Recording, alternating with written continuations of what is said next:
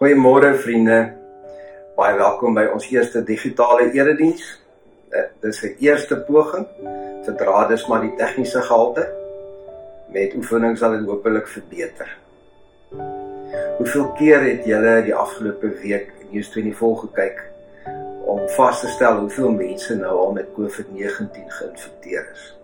5 keer, 10 keer, 20 keer is amper asof daar elke keer wat jy kyk meer mense geïnfekteer is en dat daar meer sleg in die slegte nuus is. Legrederye wat vlugte staak, maatskappye soos Nissan en Volkswagen wat hulle vervaardiging staak, die rand het sy waarde verloor. So met die kyk is daar egter baie dinge wat baie belangrik is wat 'n mens miskyk. Kom ons lees saam uit Efesiërs 1. Hier skryf Paulus uit die tronk waar hy al 'n geruime tyd 'n gevangene is. Daar tussen die vier mure het God hom dinge laat sien waaroor hy baie opgewonde is. Hy bid dat God die Christene wat versprei oor Klein-Asië woon, dit ook laat sien. Hy skryf: Wanneer ek in my gebede aan julle dink, bid ek dat die God van ons Here Jesus Christus die Vader aan wie die heerlikheid behoort deur sy gees aan julle wysheid gee en hom so aan julle openbaar dat julle hom werklik kan ken. Ek bid dat hy julle geestesoë so verhelder dat julle kan weet watter hoop sy roeping inhou en watter rykdom daar is in die heerlike erfenis wat hy vir die gelowiges bestem het. En hoe geweldig groot sy krag is wat hy uitoefen in ons wat glo. Dit is dieselfde kragtige werking van sy mag wat hy uitgeoefen het toe hy Christus uit die dood opgewek het en hom in die hemel aan sy regterhand laat sit het. Hoog bo elke mag en gesag, elke krag en heerskappy en wat daar ook al sprake van mag wees nie net in hierdie bedeling nie, maar ook in die bedeling wat kom. Ja, aan hom het God alles onderwerp, hom bo alles verhef en hom aangestel as hoof van die kerk. Die kerk is sy liggaam, die volheid van hom wat alles in almal vervul. Soos ons in die videoklip dinge misgekyk het, hoeveel keer die bal gegooi is, die agtergrond wat verander of wat ook al. So sien Paulus dat Christene ook dinge miskyk of dat hulle self blind kan wees vir sekere dinge. In onsekere tye kan ons baie klein en broos en bang voel. En die krisisse wat ons moet hanteer is net te groot. Ons is bang, onseker wat van ons gaan word. Dis hoekom Paulus bid dat gelowiges se geestesoë moet oopgaan dat hulle te midde van al hierdie dinge kan sien dat Christus ons anker is. En dat hy ons sodanig vashou en bewaar dat ons uiteindelik ons hemelse erfporsie self kan ontvang.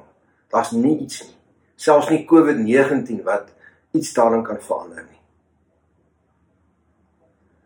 Wanneer ons gekonfronteer word met dinge wat groter as ons onsself is, magtiger, dan begin ons ook menslik dink oor God se mag Ons kan niks doen nie. Dis kan ook God nie iets doen nie. God se mag is eintlik maar net so groot as ons mag. Ons sien nie meer hoe magtig God is nie. Dan bid Paulus dat ons weer sal raak sien hoe groot God se mag is.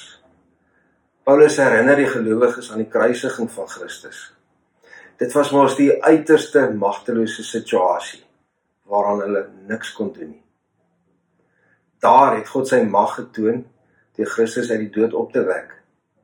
Hy het die totaal hopelose situasie omgekeer in 'n situasie wat vir gelowiges tot in alle ewigheid hoop bring. sien dit raak hoe Paulus bid wanneer jy nuus kyk wanneer die COVID-19 geïnfekteerde getalle styg wanneer jy onophoudelik gebombardeer word met slegte nuusbome bomme open jou oë weer vir God se mag. Paulus bid laastens dat ook die gelowiges die grootheid van God sal raak sien. Nie die grootheid van COVID-19 nie, Nie die grootheid van die ekonomiese probleem nie. sien die grootheid van God raak. Paulus skryf in 1:22 dat alles aan God onderwerp is. Hy is verhewe bo alles. Hoog bo elke mag, elke gesag, elke krag, elke heerskappy en wat daar ook al sprake van mag wees in hierdie bedeling en ook in die bedeling wat kom. Ek ontvang in die week 'n skrywe van iemand se oë wat met hulle ervaring van COVID-19 oopgegaan het. Ek lees dit graag vir u. Yes, there is fear. Yes, there is isolation. There is panic buying. There is sickness. Yes, there is even death.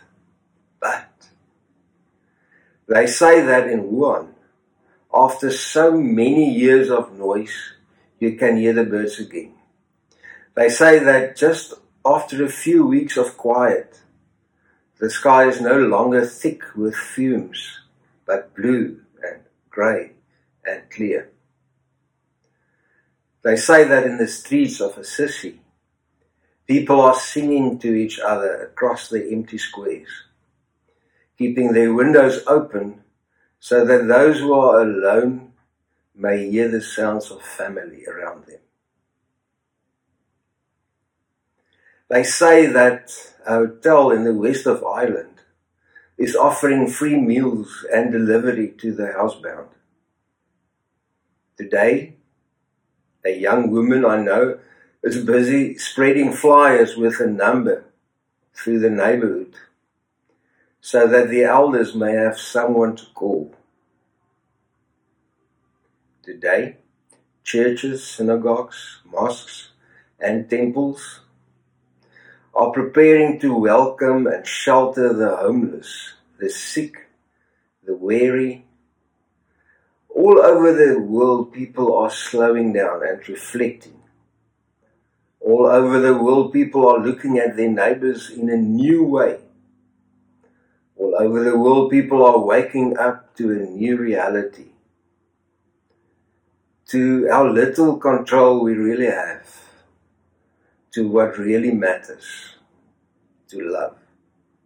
So we pray and we remember that yes, there is fear, but there does not have to be hate.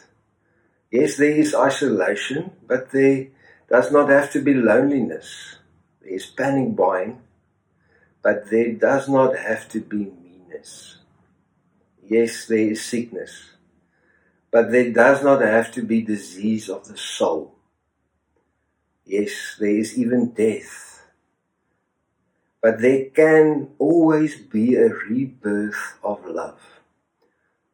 Wait to the choices you make as how to live now, today. Breathe, listen. Behind the factory noises of your panic, the birds are singing again.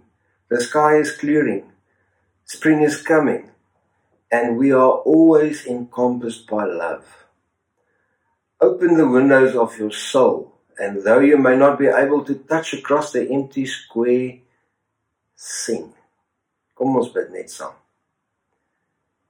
Here baie dankie dat ons in hierdie tyd na U toe kan kom en weet U is ons hemelse Vader. En U hoor ons aan as ons hemelse Vader. 'n hemelse Vader wat genadig en liefdevol is wat ons uitnooi om al ons sorges en ons bekommernisse en vrese na U te bring. Die hele wêreld word tans vasgevang, getuister deur die COVID-19 virus. Daar is soveel mense siek, daar is soveel mense dood. Daar is soveel mense wat werk verloor, besighede wat ondergaan. Here, ons is is bekommerd. Dit bely ons vandag. Ons staar ons vas teen al hierdie dinge. Maar dan vra ons dat U ons genadig sal wees. Dat U ook deur hierdie krisis vir ons sal dra. Soos deur al die krisisse van die verlede. Here, help ons asseblief. Sien alle pogings om die infeksie te vermy of te verminder. Sien al die wetenskaplikes wat poog om 'n teenmiddel te kry. Ons bid vir elke familie wat bekommerd is, wat bang is. Ons bid vir hulle wat geïnfekteer is dat U vir hulle ook genesing sal skenk. Dat ja Here, ons bely dat U die groot geneesheer is. Baie dankie dat ons so kan bid. En alles wat ons bid, vra ons in Jesus se naam. Amen.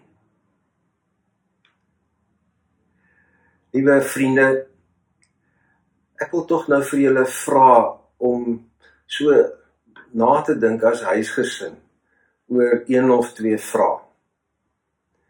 Om een, wat kyk jy dalk mis of is jy blind voor op hierdie stadium? Nommer 2. Hoe dink jy dat jy deur die Here gebruik kan word om jou medemens in hierdie tye te dien? Gesels saam met mekaar as man en vrou, as ouer en kind. En vra julleself af. Wat kyk ons mis? Waar is die Here in hierdie situasie van ons? Hoe wil hy ons gebruik? Baie dankie.